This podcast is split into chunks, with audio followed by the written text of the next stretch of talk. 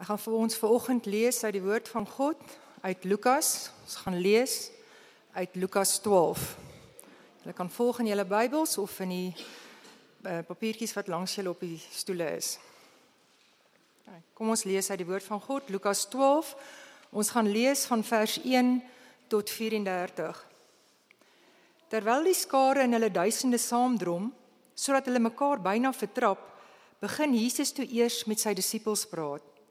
Wees op julle hoede vir die suurdeeg van die Fariseërs. Dit is hulle skynheiligheid. Daar is niks bedek wat nie openbaar sal word nie en niks verborge wat nie bekend sal word nie. Daarom sal alles wat julle in die donker sê in die lig gehoor word en wat julle vir mekaar in julle slaapkamers in die oor fluister sal van die dakstoepe af verkondig word. My vriende, ek sê vir julle Moenie hulle vrees wat die liggaam doodmaak en daarna niks verder kan doen nie. Maar ek sal vir julle aantoon wie julle moet vrees. Vrees hom wat nadat hy doodgemaak het, die mag het om iemand in Gehenna te werp. Ja, ek sê vir julle, hom moet julle vrees. Word 5 mossies nie vir 2 asarius verkoop nie en nie een van hulle is vergete vir God nie. Selfs die hare op julle kop is almal getel. Moenie bang wees nie, julle is meer werd as baie mossies. Ek sê vir julle, elkeen wat my voor die mense bely, hom sal die seun van die mens ook bely voor die engele van God. Maar wie my voor die mense verloon, sal voor die engele van God verloon word. Elkeen wat iets teen die seun van die mens sê, Dit sal hom vergewe word. Maar wie teen die Heilige Gees laster, sal nie vergewe word nie.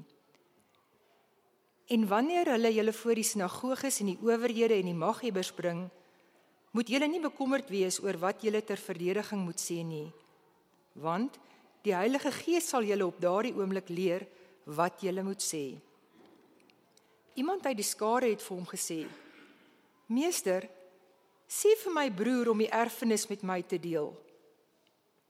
Maar hy antwoord hom: Mens, wie het my as regter of bemiddelaar oor julle aangestel? Toe sê hy vir hulle: Pas op en wees op julle hoede vir elke vorm van gierigheid. Want 'n mens se lewe word nie bepaal deur die oorvloed van sy besittings nie. Daarna het hy vir hulle die volgende gelykenis vertel. 'n sekere ryk man se plaas het 'n goeie oes opgelewer. Hy het homself toe afgevra: "Wat moet ek doen? Want ek het nie plek waar ek my oes kan opgaar nie." Toe sê hy: "Dit is wat ek sal doen. Ek sal my skure afbreek en groter skure bou. Daarin sal ek al my graan en my goedere opgaar. Dan sal ek vir myself sê: Mens, Jy het baie goed opgegaar en vir baie jare. Ontspan, eet, drink en wees vrolik. Maar God het vir hom gesê: Jou dwaas. Vannag nog sal jou lewe opgeëis word. En wat jy bymekaar gemaak het, aan wie sal dit dan behoort? So gaan dit met iemand wat vir homself skatte bymekaar maak en nie in God ryk is nie. Hy het toe vir sy disippels gesê: "Daarom sê ek vir julle, moet julle nie bekommer oor julle lewe, oor wat julle sal eet of oor julle liggaam wat julle sal aantrek nie. Die lewe is tog belangriker as kos en die liggaam as klere. Let op die kraaie, hulle saai nie en hulle maai nie. Hulle het nie 'n stoorkamer of 'n skuur nie. Tog sorg God vir hulle." Hoeveel meer is julle nie werd as die voëls nie?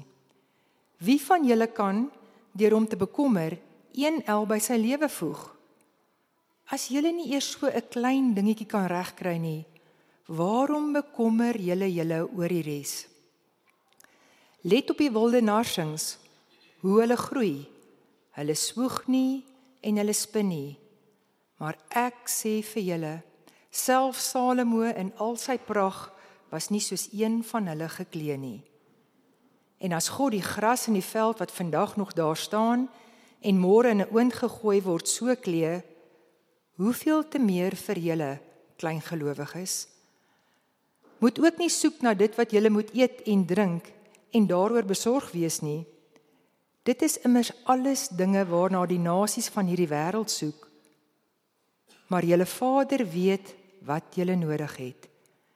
Soek eerder sy koninkryk en hierdie dinge sal vir julle bygevoeg word. Moenie bang wees nie, klein kuddetjie, want julle Vader het dit goed gevind om die koninkryk aan julle te gee. Verkoop julle besittings en gee vir liefdadigheid. Maak vir julle beursies wat nie vergaan nie, 'n onuitputlike skat in die hemel waar 'n dief nie kan bykom en geen mot kan verniel nie. Want waar julle skat is, daar sal julle hart ook wees. Dit is die woord van God.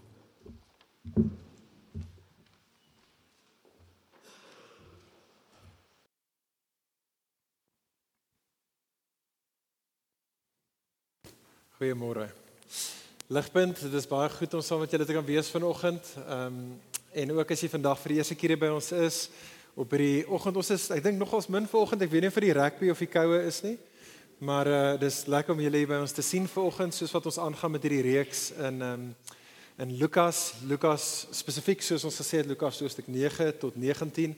Ek gaan net nou nog ietsie oor dit sê, maar ek wil net gou vinnige afkondiging maak voor ek ook vir ons gaan bid en voor ons aan daai gedeelte gaan inspring. Uh vriende, baie van julle sal bewus wees van en ek praat met almal, maar spesifiek betrekking op hoe dames in ons midde weet van ons vleer vroue bediening.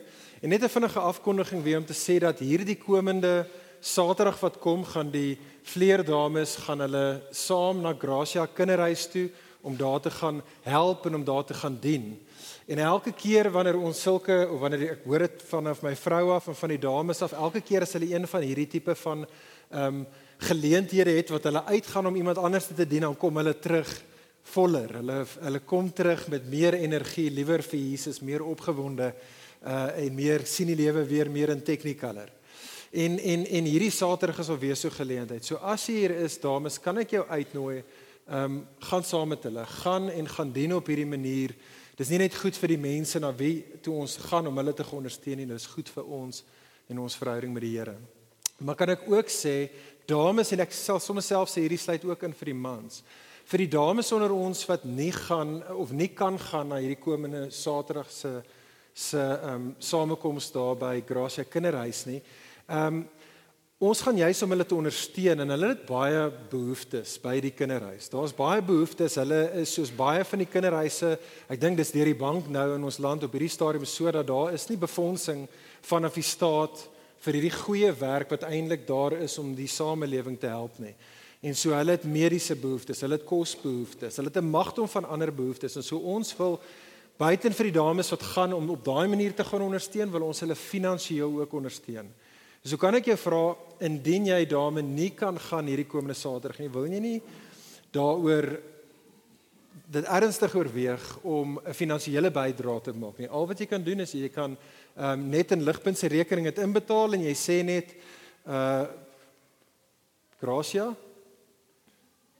Jy sê vleer Gracia en dan sal Natasha dit daar sien en hulle sal alles as een lomsom oorbetaal aan die kinderhuis van hulle soheen toe gaan.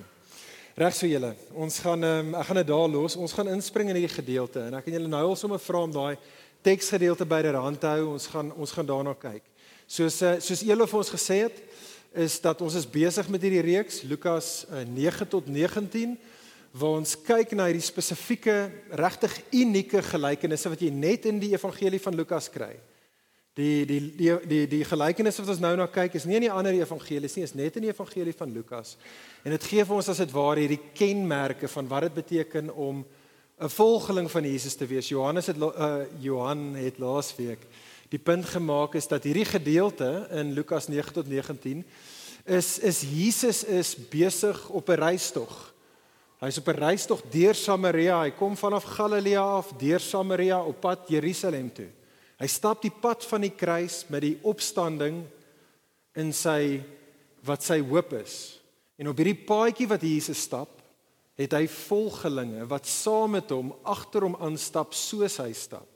En dis wat ons nou wil kyk in hierdie reeks. Ons ons kyk vandag na die tweede kenmerk van 'n volgeling van Jesus. Laasweek het ons gekyk na 'n volgeling van Jesus is soos Jesus iemand wat barmhartig is. Vandag gaan ons sien in hierdie gedeelte en ons kyk gaan spesifiek fokus op die gelykenis dat 'n volgeling van Jesus is iemand wat ryk is in God. En ons gaan so klein bietjie saam dink oor wat dit beteken om ryk te wees in God. So kom ek bid vir ons, vra dat die Here ons nou sal genadig wees. Ja, Hemelse Vader, ons kom na U toe as 'n mense wat nodig het om U stem te hoor. Ons het hier bo net net 'n paar minute terug die kinders hoor sing. En ons kinders het gesing die wyse man bou sy huis op die rots. Here, ek bid vir elkeen van ons dat ons die wyse manne en vroue sal wees, 'n mense wat in hierdie lewe besig is om aan die regte bouprojek en op die rots te bou. En Here, dankie dat U is so genadig vir ons dat week in, week uit, dag in dag uit praat U met ons, roep U ons deur die Gees. U roep ons na die wyse pad om vir Jesus te volg en nie die nie die dwaase pad nie. En so Here, kom ontmoet met ons nou. Kom en kom en sny soos wat net U woord met deur die Gees kan doen. Kom en sny ons harte, maak ons harte sag. Here, bring lewe, lewe wat goed is vir ons en wat goed is vir ander en wat U verheerlik. Ons bid dit in Jesus se goeie naam. Amen.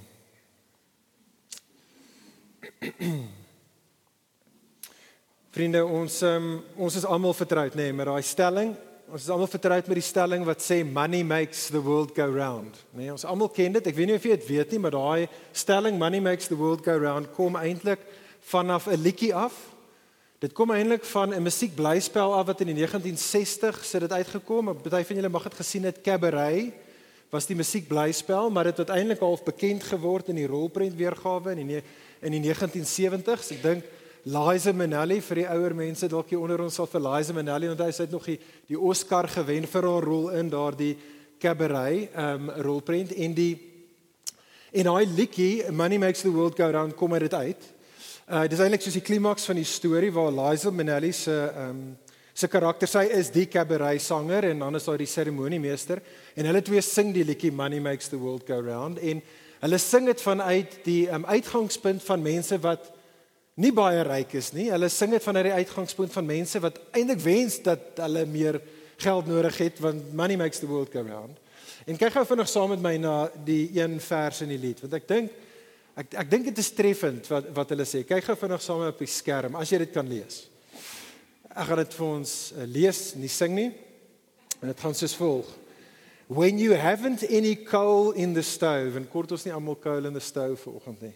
When you haven't when you haven't any coal in the stove and you freeze in the winter and you curse to the wind at your fate.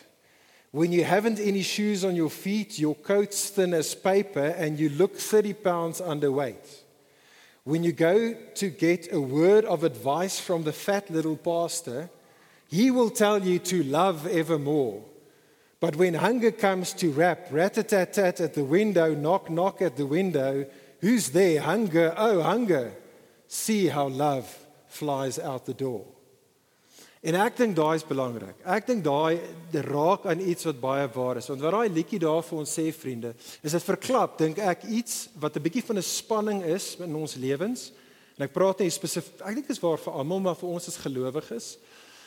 'n Spanning wat ons beleef, hierdie komplekse verhouding tussen ons geloof en tussen ons geld. Die ding is ons almal as gelowiges weet. Ek dink ons almal weet dat die Bybel waarsku ons baie kere oor geld. Die fat little pastors spreek woordelike fat little pastors. Ehm um, waarsku ons jy hoorie moenie Christen deur die lewe gaan en geld jou fokuspunt maak nie. En ons weet dit. Maar soos wat ons dit weet, is die realiteit is ons lewe met koue winters waar dit sou great wees as ons 'n stoof kon gehad het en meer klere kon gehad het en kos op die tafel kon gesit het en ons skoolgeld om te betaal en ons mediese fondse en ons 'n magdom van behoeftes. En in die regte wêreld waarin ek en jy onsself bevind, where money makes the world go round, is dit moeilik. Dis moeilik om te weet maar uh, hoe hoe lewe ek hier met hierdie geloofs-oortuiging waar ek in die regte wêreld is waar geld die ding is wat regtig praat op die einde van die dag.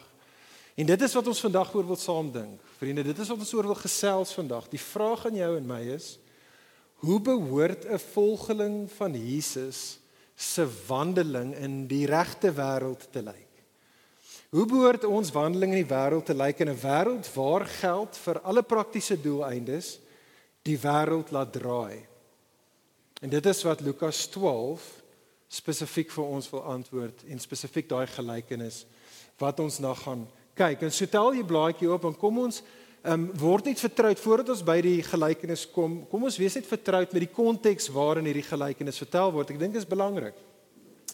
Soos is hier in Lukas 12, soos ek nou-nou reeds gesê het, Jesus is nou hier in Samaria.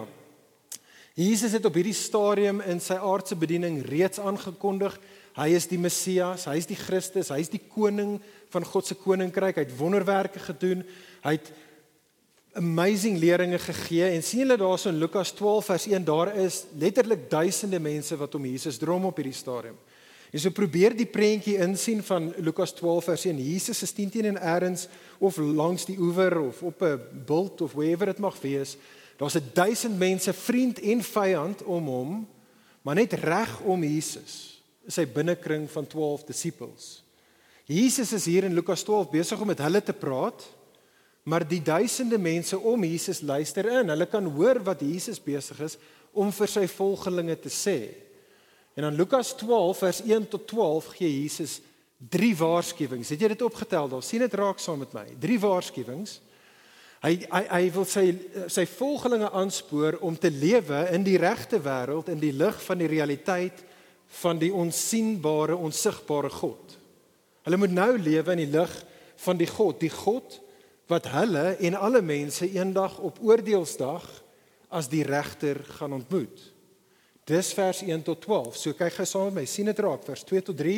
Eerste waarskuwing Jesus sê vir sy volgelinge vir sy vir die disippels nê. Nee, pas op vir geestelike skynheiligheid want oordeelsdag kom en alles wat nou weggesteek word sal op daardie dag openbaar word. Dis die eerste waarskuwing. Hier's waarskuwing 2 vers 4 tot 7. Hy sê vir sy volgelinge moenie vervolging vrees nie. Moenie vervolging probeer ontduik nie. Nee, vrees eerder die God wie jy op die oordeelsdag gaan ontmoet. Die een wat besluit wie gaan hemel toe, wie gaan hel toe. Derde waarskuwing, vers 8 tot 12, sien dit saam met my daar.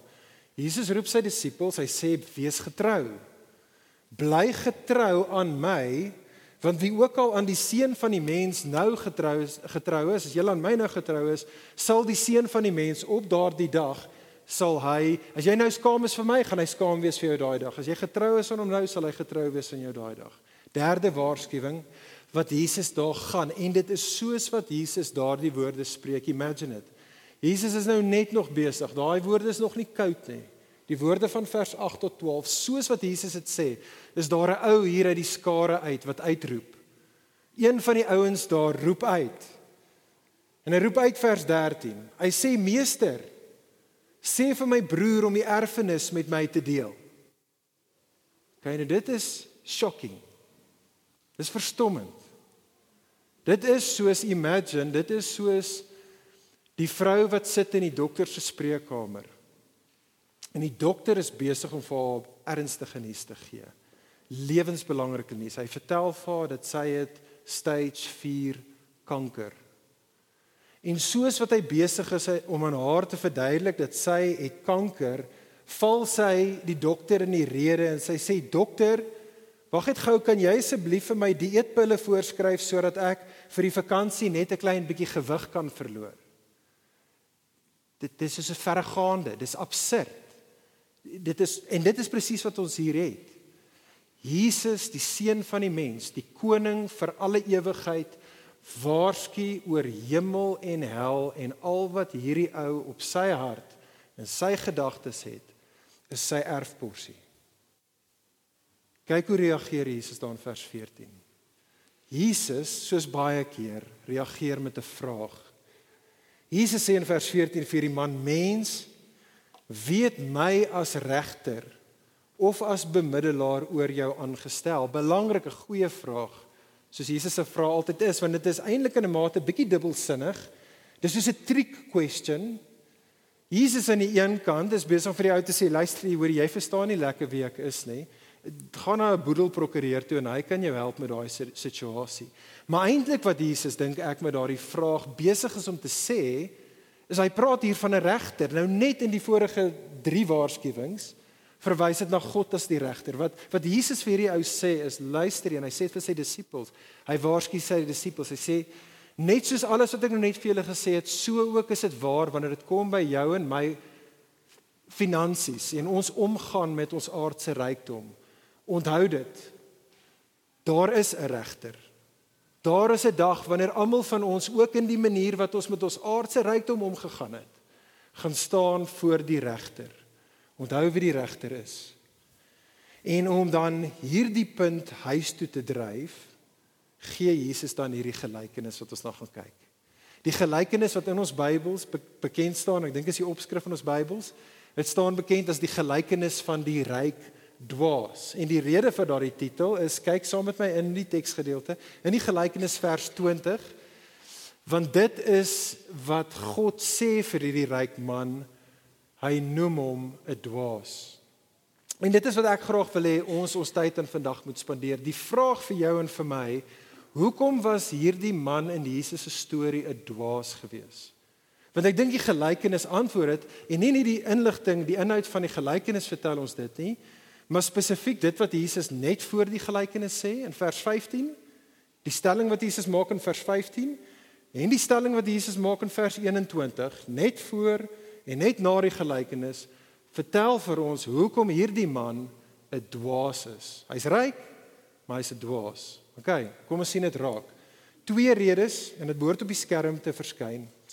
Twee redes hoekom hierdie ryk man 'n dwaas was, sê Jesus vers 15. Eerstens, hy was 'n dwaas geweest want hy het gedink sy lewe word bepaal deur die oorvloed van sy besittings. Dis wat hom 'n dwaas gemaak het. Hy het gedink sy lewe word bepaal deur die oorvloed van sy besittings. Moet dit nie mis nie. Eh, kyk saam met my daar vanaf eh, in ons die gelykenis gedeelte. Is die een van die groot woorde wat regdeur hierdie gedeelte voorkom is die woord lewe. En so as jy daar soos om my kyk, laat jy oog gou afgaan na na Lukas 12 vers 20 toe. sien ons die woordjie lewe in vers 20 weer in vers 22, weer in vers 23, weer in vers 25. Nou daai woordjie wat in ons Afrikaans of in die Engels vertaal word as lewe of life, is in die oorspronklike taal en hier is dit belangrik is die woordjie sugai. Nou wat sugai beteken as wat ons vertaal as lewe, dit verwys na jou, kom ons noem dit maar fisiese lewe. Met ander woorde wat sugai beteken is dit verwys na of dit verwys na lewe as 'n natuurlike realiteit. So jou fisiese lewe of selfs jou psigiese lewe, maar dis lewe wat alle mense in gemeen het. Alle mense wat lewe het gehou. Dis 'n natuurlike verskynsel, fisies, psigies. Maar wat ons nie moet mis nie, is kyk na vers 15 in ons teksgedeelte. In vers 15 kom ook die woord hier in hierdie eerste stelling van Jesus, het ons ook die woord lewe. Maar hierdie is in die oorspronklike taal 'n ander woord in die Grieks. Dis nie die woord sugai nie, dis die woord zoe. Party mense noem hulle dogter zoe. Partykeer partykeer hulle honde zoe. Maar anyway, ehm um, zoe. Daai woordjie zoe zoe verwys nie net so seer na lewe as 'n natuurlike realiteit nie, maar lewe as 'n bonatuurlike realiteit. So nie so seer lewe as 'n fisiese ding nie, maar 'n metafisiese ding. Dit is lewe soos wat lewe bedoel was om gelewe te word. Dit is lewe soos wat begeer word deur almal, maar nie bekom word deur almal nie. Maar ons almal weet wat dit is. As jy vandag hier so sit en jy's 'n Christen of jy's glad nie 'n Christen nie, ons almal smag na Zoe. Elkeen van ons, nê, nee, kom ons wees eerlik met onsself, diep in ons harte het ons 'n diep begeerte na hierdie kom ons noem dit Zoe lewe. Diep binne in ons weet ons dat lewe moet meer as net soegei wees. Dis nie meer as net fisies en psigies.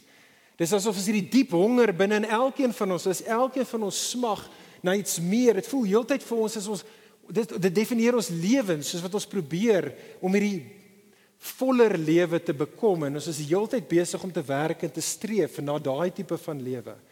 Ons almal smag daarna, maar nie almal bekom dit nie. Daai tipe van lewe is die goeie lewe. Dit is die oorvloedige lewe, lewe in sy volheid, Zoe lewe. En dit is die stelling wat Jesus hier maak in vers 15 vriende.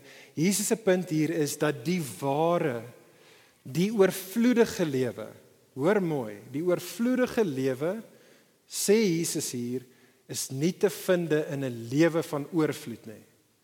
Die oorvloedige vol die vol lewe word nie bekom deur jou lewe vol te maak met staf nie.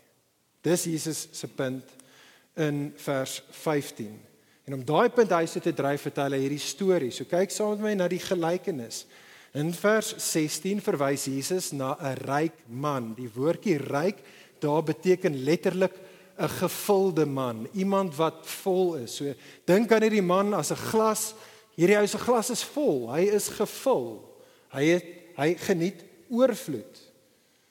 Maar dan gebeur 'n goeie ding met hierdie ou en dit is 'n amazing oes en so hierdie man se plaas het 'n goeie oes opgelewer vers 16.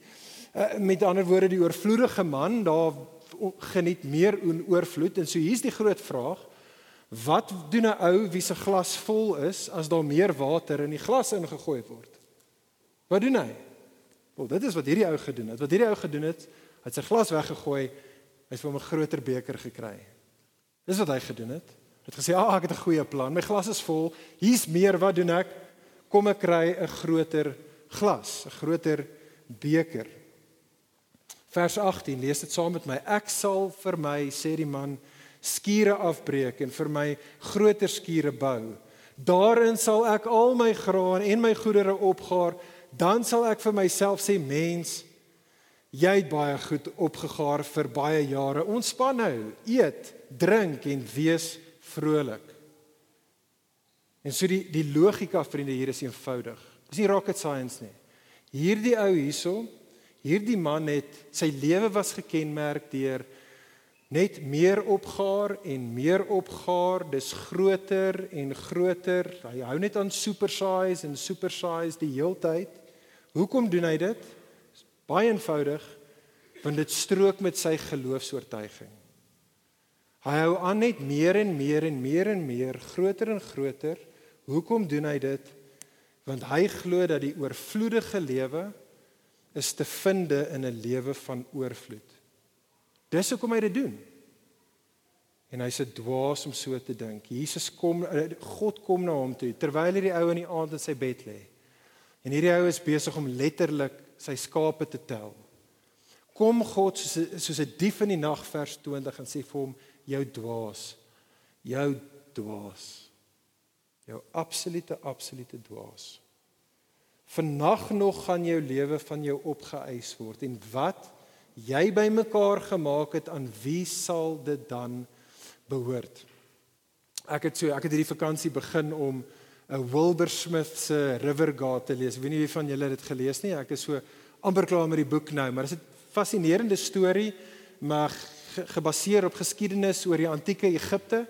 Ehm um, en, en en in hierdie storie ehm um, sien jy net hoe crazy baie ryk die die die farao's was in antieke Egipte. En uh, een van die dinge wat die ouens natuurlik gedoen het is en jy sien dit ook in die boek is dat wanneer die farao sterf, dan het hulle al hulle skatte saam met hulle begrawe. En hulle begrawe hulle skatte saam met hulle want wanneer hulle in die hiernamaals wakker word, dan dan kan hulle daarso hulle skatte geniet. En so in 1922 se redelike bekende ding, Tutu Khanum, ek dink as jy sy naam sê, is een van die bekende ehm um, farao's is, is sy sy graf ontdek in 1922. En hulle die, die graf ontdek en daar die gebeendere van hierdie ou mammy, hierdie farao lê daarso en al die skatte kan jy dit glo? Dis nog steeds daar. 5000 skatte. Hy het 5000 skatte saam met hom daar begrawe. Hy was 'n hoender. Hy was 'n dwaas. Hoe stupid kan jy wees om te dink dat jy kan staf vat en dit saam met jou begrawe en dis great want dit gaan jou hou. Vriende, dit is wat die dit is wat die ryk dwaas hier gedoen het en dit is Jesus se punt. Jesus sê in vers 15 'n mens se lewe word nie bepaal deur die oorvloed van besittings nie. Hoekom nie? Want lewe is vir almal ewig. Lewe per definisie, die lewe is ewig. Dit is ewig. Dis 'n ewige realiteit of saam met God, ons noem dit hemel of sonder God, ons noem dit hel. En die punt is in beide daardie ewige lewens wat kom, is aardse rykdom net nie 'n currency wat vlieg nie. Dit is waardeloos. En die vraag vir elkeen van ons opnuut vanoggend vriende, is net bloot glo ek en jy vir Jesus. Soos 'n ding net gou vir 'n oomblik. Glo ons vir Jesus as Jesus vir ons in vers 15 sê dat 'n mens se lewe word nie bepaal deur die oorvloed van besittings nie. Glo jy, dink jy Jesus weet waarvan hy praat? Moenie te vinnig antwoord nie. Ek ek dink hierdie is so moeilik en dit ek dit hierdie is moeilik vir ons almal. Ek ek sukkel hiermee. Want ek dink en ek dink dit is spesifiek. Ek dink hierdie is een van die groot maniere hoe die Satan ons in die weste hedendaagse Christene vang. Want ek dink meeste van ons as gelowiges sit en ons maak ons Bybel oop en ons sien hoe Jesus die ryk dwaas verdoem en ons sê amen daarop op Sondag en Maandag maak ons die Financial Times oop Of ons kyk Netflix of ons skrol deur Instagram en ek en jy sê amen vir hoe die wêreld die ryk man verheerlik. Ons het geestelik gesproke het ons 'n gesplete persoonlikheid. Ek ek dink so, ek dink ek het, ek dink ons het. Ek dink dit is wat ons doen in die plek waar ek en jy moet begin, vriend, vriendin, is ons moet begin deur te erken dat daar is 'n kommerwekkende disconnect tussen jou en my geloofsbelijdenis en jou en my geloofsbelewenis. Ons is soos die man wat in Lukas 9 net 'n bietjie voor ons gedeelte. Ons is soos die man van Lukas 9 vers 57 wat na Jesus toe gekom het in Lukas 9:57 en vir Jesus gesê het: "Jesus, ek sal jou volg waar ook al jy gaan." Want dis wat ons reeks oor is om volgelinge van Jesus te wees. Jesus antwoord net die volgende vers vir die man. In Lukas 9 vers 58, Jesus sê vir die man: Die jakkalse het gate en die voëls van die hemel het neste, maar die seun van die mens het geen plek waar hy sy kop kan neerlê nie. Met ander woorde sê Jesus vir daai man: Om my te volg is nie 'n paadjie van aardse weelde nie. Dit is Jesus se punt daar. En dit is op daai plek waar ek dink dit so baie kere ons in twee skeer en waar dit net vir ons dan makliker is om na onsself te verwys as Christene in steede daarvan om na onsself te verwys as volgelinge. Dit makliker om te sê ek's 'n Christen. Ek is 'n Christen. In steede van nee, ek's 'n volgeling wanneer Jesus my roep op daai paadjie. Dit is natuurlik wat net hierna in Lukas kom in Lukas 18 die bekende storie van die ryk jong man. En Jesus gaan die ryk jong man roep en hy gaan vir hom sê, want hy sê hy wil vir Jesus volg en Jesus sê vir hom laat staan jou aardse rykdom en hy kan nie dit doen nie. En vriende, daar is die teensluiting vir elkeen van ons, nie een keer nie, ja, een keer elke dag. Elke dag staan elkeen van ons as Jesus se disippels voor die Jesus by die teeaansluiting. Jesus roep jou en my. Hy sê: "Volg my. Sal jy my volg? Sal jy my volg ook in die manier wat jy met aardse rykdom omgaan?" En die punt bloot op hierdie stadium in die gelykenis vriende is bloot dit. Die punt hierso is, hoor dit weer vir 'n laaste keer, ons sal alleenlik vir Jesus volg. Ons sal hom net volg as ons glo dat Jesus se pad is inderdaad die wyse pad. Dit is nie die dwaase pad nie. As ons as ons dit sou glo, dan sal ons vir Jesus volg. Maar uh, as ons op maar as ek en jy sou besef dat die pad van die wêreld, die breë pad, die pad wat vir jou en vir my sê nog, nog meer groter skure, groter skure. Daai pad is die dwaase pad. Want op daai paadjie sê Jesus, dit is op daai paadjie waar die dood jou gaan hijack. Hy gaan jou letterlik daar kaap en hy gaan jou stroop eendag van al jou aardse besittings. Dis dis die dwaase pad. Jesus sê volg my. Hier is die tweede rede. Vriende, kyk saam met my, dit behoort ook op die skerm te wees, maar sien raak die tweede rede vanuit die gelykenis wat Jesus vir ons sê, hoekom hierdie man, hierdie ryk man 'n dwaas was. Die rede is daar in vers 21. sien jy dit? Vers 21 sê Jesus dat hierdie man was 'n dwaas want hy het gedink dat sy lewe is sy lewe. Dit hy was dwaas om dit te dink dat sy lewe is sy lewe. Ek dink een van die aspekte van die van hierdie gelykenis wat ons baie kere mis, is die feit dat in die storie wat Jesus vertel is die man 'n boer. En dis belangrik. Want 'n boer is of ten minste 'n boer behoort te wees meer as amper enige ander professie in hierdie wêreld. Is 'n boer iemand wat baie baie bewus is dat soveel van wat hulle ontvang in die lewe is totaal en al genade. Dis totaal en al 'n geskenk. Dit kom totaal en al nie van hulle af nie. Ek bedoel ja, jy moet hard werk. Dit is so. Boere moet hard werk. Boere moet planne maak, maar op die einde van die dag Die son moet skyn, jy het nie baie uit te waai met dit nie. Die reën moet val, die grond moet vrugbaar wees, die plant moet groei. Dis alles genade, dis alles 'n geskenk. Maar die hartseer storie wat ons hier het in Jesus se gelykenis is dat daar is net geen in sy hierdie ou se verwysingsraamwerk is net God nêrens te vind nie. God feature net hoe genaamd nêrens nie. In feite wat jy sien is presies die teenoorgestelde. Hierdie ou dink net aan homself. Hy's half die king of his own castle. Tel jy dit daarop? Kyk saam met my in vers 17 tot 19. En dan gaan dit weer lees. Ek wil hê sien raak. Jesus doen dit as prins. sien raak hoe Jesus beklemtoon in vers 7 17 tot 19 die persoonlike voornaamwoorde. Die totale selfgesentreerdheid van hierdie ou. Vers 17. Hy die ryk man het homself toe afgevra, "Wat moet ek doen? Want ek het nie plek waar ek my oes kan opgaar nie." Toe sê hy, "Dit is wat ek sal doen. Ek sal my skure afbreek en groter skure bou. Daarin sal ek al my graan en my goedere opgaar. Dan sal ek vir myself sê, mens, jy het baie goed opgegaar vir baie jare ontspan, eet, drink en wees vrolik. Vriende, die punt is hierdie man het gelewe asof God nie bestaan nie. Hierdie man was godsdienstig. Hy het 'n God gehad wie hy aanbid het. Hy het 'n drie 'n drie enige God gehad wie hy aanbid het. Dit was me, myself and I. Maar toe ontmoet hy die ware God. En die ware God sê vir hom jy's 'n dwaas. Jy is 'n dwaas. Vannag nog sal jou lewe van jou opgeëis word. Moenie daai woordjie mis nie. Sy lewe word opgeëis. Dit impliseer sy lewe is nie sy lewe nie.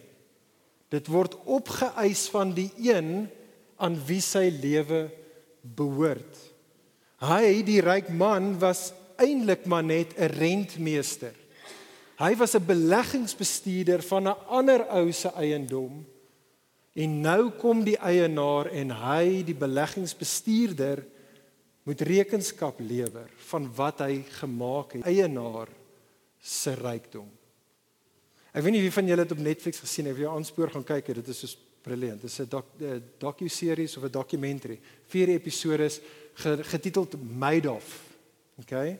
Ek weet nie of julle dit gesien het nie, maar Madoff, Bernie Madoff was um, een van die bekendste um, beleggingsbestuurders op Wall Street gewees.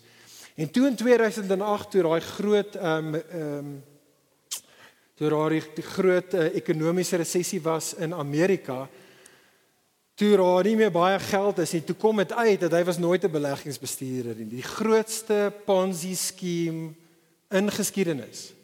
Hy het 64 miljoen dollar van ander beleggers oor Amerika en Europa gevat vir ouens, hulle geld gevat om dit te belê om vir hulle ryk te maak om hulle koninkryke te kan uitbou en daai geld gevat en basically in sy Ponzi skema dit net op homself spandeer. Dis wat hy gedoen het. Dit is wat die ryk man hier doen. Dit is wat hierdie ryk man hier gedoen het. Hy is besig om God se rykdom te vat en nie God se koninkryk te bou nie, maar besig is om sy eie te doen. 'n Vriend, vriendin, die vraag vir jou en vir my is wat van ons? Wat van ons? Wat van jou en my? Dis ons vers 20, is ek en jy maar net hedendaagse weergawe van die ryk dwaas? Of is ons vers 21 mense wat ryk in God is of Engels praat van rich towards God. Met ander woorde is ons mense wat besef dat ons is net beleggingsbestuurders en al die oorvloed wat God vir ons gee is daar om sy koninkryk uit te bou. Vriende, kom ons wees wys. En hoor asseblief saam met my hierdie woorde en dit gaan op die skerm wees, maar hoor saam met my ehm um, die woorde van Paulus. So voor dit op die skerm is. Uh 1 Timoteus hoofstuk 6. Ons gaan dit net lees. Ek gaan nie eers baie hierso sê nie want ek dink Paulus dink ek het jy sien dit in die taal van 1 Timoteus 6. Paulus het Lukas 12 dink ek in gedagtes soos wat hy 1 Timoteus 6 skryf. Dis 'n woord vir die Nuwe Testament kerk vir ek en jy wat Paulus as dit ware vir elkeen van ons, insluitende vir my vandag wil sê. Hy roep ons om wys te wees. En so hier's die eerste ding, sien saam met my raak, 'n waarskuwing vir die wat ryk wil wees. En kom ons wees net eerlik vriende, dis ons almal. Dis elkeen van ons. Ons almal wil ryker wees. Waarvan elke liewe persoon. Hierdie is die waarskuwing sê Paulus vir jou en vir my. 1 Timoteus 6 vers 9 tot 10 Paulus sê wie ryk wil wees, val in versoeking en val in 'n struik en baie dwaase en skadelike begeertes wat mense meesleer na ondergang en vernietiging. Want geldgierigheid is die wortel van alle kwaad. Die hinkering na rykdom het sommige mense laat afdwaal van die geloof en hulle het hulle self met baie smarte deurboor. Ag vriende, en ons almal ken sulke stories, nê? Nee? Ons almal, ons ons ken dit in klein stories, klein maniere en ons weet van dit in groot maniere, maar ons almal weet dat dit wat Paulus ons waars, oor waarsku is waar. Dat 'n lewe waar jy jouself gee vir geld, jy mag geld kry, maar jy gaan soveel verloor. Dit gaan jou fisies jou jou jou verhouding met ander baie kere met ons vrou en met ons of met ons man en met ons kinders baie kere met ons familie en ons verhouding met die Here dit is vernietigend. En so vriende kom ons wees gewaarsku kom ons wees wys Kom ons wees ryk in God. Hier's die tweede ding wat Paulus in 1 Timoteus 6 vir ons tot roep met betrekking tot hoe ons met aardse rykdom moet omgaan. Dis die tweede ding is hy waarsku ons nie net vir die wat wil ryk wees nie, maar daar's ook 'n aansporing vir die wat reeds ryk is. En weer eens, dit is ons almal. Dis elkeen van ons of dis ten minste meeste van ons. Meeste van ons as jy 'n huis het, 'n dak oor jou kop het, jy het kos wat jy weet wat is die kos wat jy môre gaan eet? Ons is in die top 3 tot 5% in die hele wêreld van mense wat bestaan. Meeste van ons hier is ryk. Hier is 'n aansporing vir ons, vir die wat ryk is.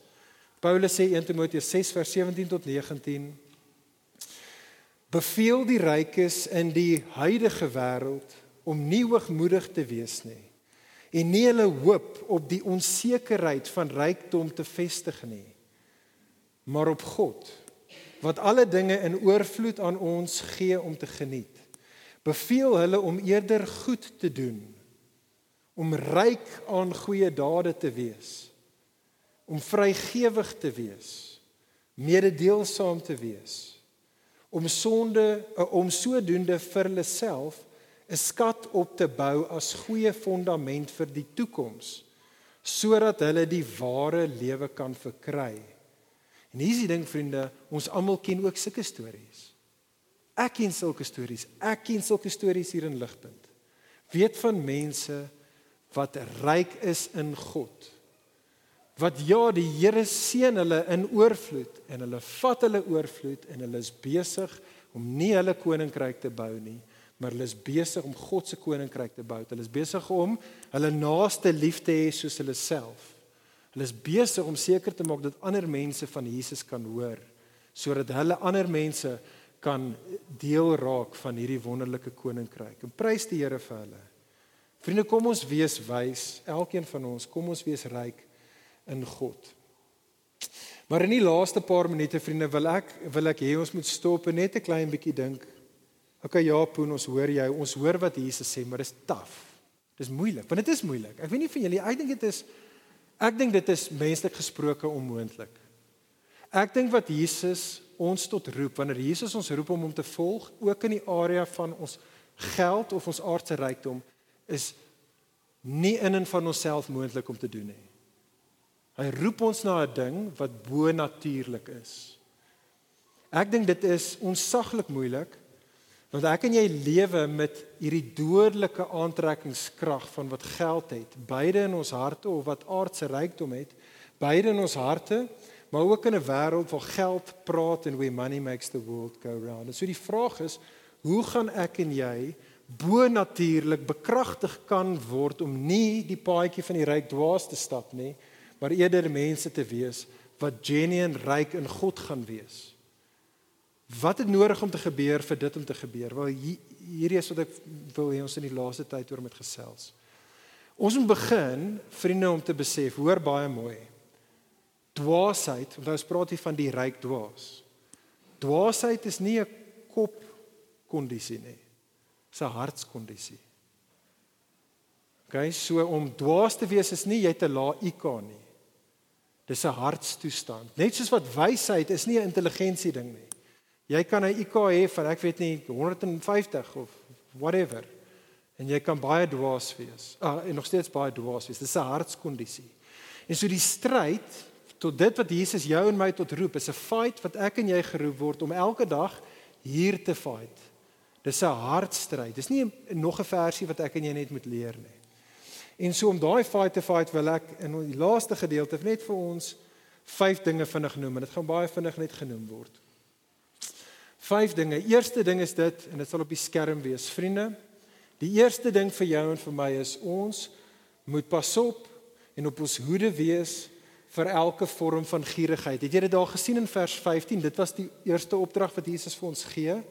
Vers 15: Pas op en wees op julle hoede vir elke vorm van gierigheid. Dis 'n ding wat in jou en my hart wegkruip. Gierigheid, as ek 'n vinnige definisie vir ons kan gee van gierigheid, uh, greed of covetousness is die Engelse woord vir dit. Gierigheid vriende is 'n gees van onvergenoegdheid. Dis 'n gees van onvergenoegdheid met God se voorsiening. Dit is die oorspronklike sonde as jy daaroor dink van Adam en Eva. Dit is daai ding in jou en my hart wat dink dit wat God vir my gee is nie goed genoeg nie. Ek gaan eerder iets anders te najag, iets nastreef want ek weet beter hoe ek vir my 'n paradys kan bymekaar maak as wat God kan weet. En uh, en uh, as wat God weet en Jesus waarsku jou en my en sê pas op. Wees op jou hoede teen gierigheid. Maar dan tweedens baie belangrik, ons wil dieper in ons harte afgaan. Daai is level 1 van waar jy die fight fight, maar nou moet ons afgaan in ons harte.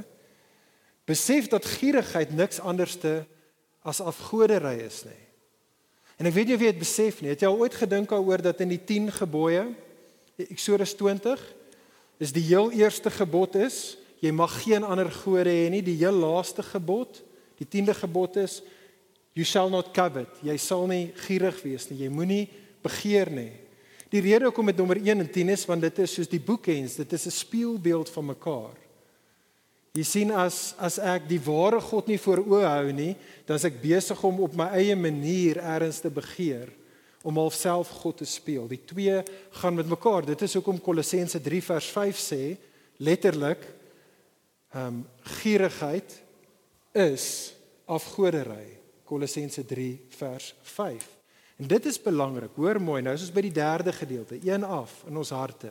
hoe ek en jy gaan fight om nie die pad van die ryk dwaas te stap nie. Vriende, die rede hoekom ons agter ons afgode aan hardloop uiteindelik is omdat ons bang is. Ons is gejaag en gedryf deur vrees. Het jy dit opgetel in Lukas 12? Reg deur Lukas 12 kom die woordjie vrees voor. En ons as mense, juis omdat ons so sulke behoeftige mense is, is, is ons se mense wat heeltyd bang is. Ons vrees dinge. Kyk aan vers 4. Ons is mense wat ons vrees vervolging vers 4 en vers 7 en vers 11. Maar dan ook ons vrees dat daar nie na ons omgesien sal word nie. Ons vrees dat on, dat daar nie dat ons nie versorg sal word nie. Kyk vers 22 van ons gedeelte, gaan dit lees. Jesus sê vir ons moet julle nie bekommer oor julle lewe, oor wat julle sal eet of oor julle liggaam, wat julle sal aantrek nie. Kyk na kyk na vers 29. Moet ook nie soek na dit wat julle moet eet of drink en daaroor besorgd wees nie. Sien, dis die ding wat baie keer ons so jaag, is ons is bang. Ons is bang want ons probeer na onsself omsien. Ek wil dis maar vir die ryk dwaas gedoen het. Wat is die eerste woord wat hy gesê het toe hy sy groter skure bou? Sy eerste woord is ontspan. Dis nou kan hy ontspan. Hy het nie ontspan nie. Hy was En nou kan hy ontspan want hy het na sy afgod toe gehardloop wat net na hom sal kyk vir nog 'n rukkie langer. En vriende, as ek en jy nie die pad van die dwaas gaan stap nie, gaan ons besef dat ons harte worstel met gierigheid. Ons gaan besef dat daai gierigheid is afgodery. Afgodery word gejaag en word aangevuur deur vrees. Hier staan die volgende ding dieper in ons hart waar ek en jy moet gaan. Vierde ding. Oorkom die vrees deur te rus in die wete dat jy 'n Vader het wat na jou omsien. Lees saam met my in die gedeelte hoe Jesus dit sê vir ons in vers 32. Jesus sê in vers 32: Moenie bang wees nie. Moenie bang wees nie, klein kindertjie want julle Vader het dit goed gedink om die koninkryk aan julle te gee. Die logika hier is dat as God vir ons in Jesus reeds sy kinders gemaak het. Hy het ons aangeneem. Hy het sy erfenis vir ons gegee. As ons reeds nou sy kinders reeds in sy koninkryk is vir alle ewigheid, sekerlik sal ons Vader dan nou reeds as sy kinders in die hier en nou dan ook na ons omsien. Let wel, dit beteken nie hy gaan vir jou alles gee wat jy wil hê nie, maar hy sal vir jou alles gee wat jy nodig het. Hy sal vir jou alles gee wat genuine goed is, regtig egtig goed is vir jou, wat regtig egtig goed is vir ander om jou. Hy's 'n goeie Vader. Hy sal na jou omsien. Laastens en ek sluit hiermee af sien dan raak saam vriende sien in jou Vader se voorsiening sien daar vir Jesus as jou grootste skat. Volgeling van Jesus Christen gelowige besef jy dit? Besef jy dat ons is reeds die rykste van mense? Weet jy dit? Het jy 'n benul hoe ryk jy is? Ons is 'n gazillion keer meer ryk as wat Elon Musk ooit in sy lewe sal wees. As ons maar net die oë kan hê en die wysheid kan hê om dit te besef. Besef dit. Dit is die evangelie. In die taal van vers 13 vriende, dit is die evangelie. Jesus is jou en my ouer broer wat nie in gierigheid sy erfenis vir homself gehou het nie. Hy het dit nie gedoen nie. Nee, hy het sy erfenis met ons kom deel. In kontras met die ryk dwaas het Jesus nie sy skure afgebreek om homself ryker te maak nie. Jesus het sy eie liggaam gebreek op die kruis om jou en my ryk te maak. Dis die gospel, dis wat Jesus gedoen het. Kyk hoe pragtig sê Paulus dit vir ons in 2 Korintiërs 8 vers 9. Paulus sê vir ons: "Julle gelowiges, julle ken dan Julle ken die genade van ons Here Jesus Christus dat hy wat ryk was ter wille van julle arm geword het sodat julle deur sy armoede ryk kan word. En so vriende, kan ek ons daarmee los. Kom ons bly daar. Kom ons word wakker. Kom ons wees wys. Kom ons koester vir Jesus. Kom ons koester Jesus as ons grootste skat. Kom ons wees gierig om Jesus beter te leer ken en meer in 'n intieme verhouding met hierdie Jesus op hierdie paadjie te wandel. Want as ons met hierdie Jesus wandel en Jesus bly ons grootste skat, dan gaan ons die fight wen teen gierigheid in ons hart. En ek sluit af deur net daai laaste sinnetjie van ons gedeelte vir ons te lees.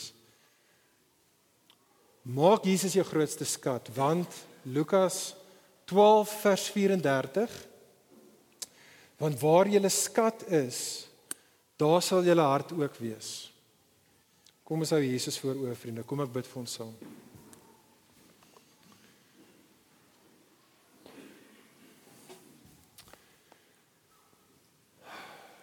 Ag Vader, ons wil vir U loof en prys vir net hoe goedgesind U elkeen van ons in Jesus was. Here gee vir ons deur die Gees die wysheid om te besef hoe insanely ryk ons in Jesus is nou en vir alle ewigheid. Ons loof en prys U dat U is die goeie Vader wat na ons omsien. Here help ons om dit te glo. Here soos wat ons koud en honger en moeg is, bedruk is met baie baie legitimate aardse behoeftes. Here help ons om te wag op U, te kyk na U, ons Vader wat aan ons sal voorsien. Maar Here, ek bid vir elkeen van ons hier en ek pleit, help ons om vir Jesus voor oë te hou. Help ons om te sien dat Jesus is die een in wie ons alles het. Alles het wat ons nodig het.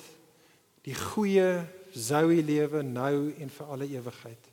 Ons loof en ons prys U Here en ons vra dat U met ons sal wees op die pad in Jesus naam bid ons dit. Amen.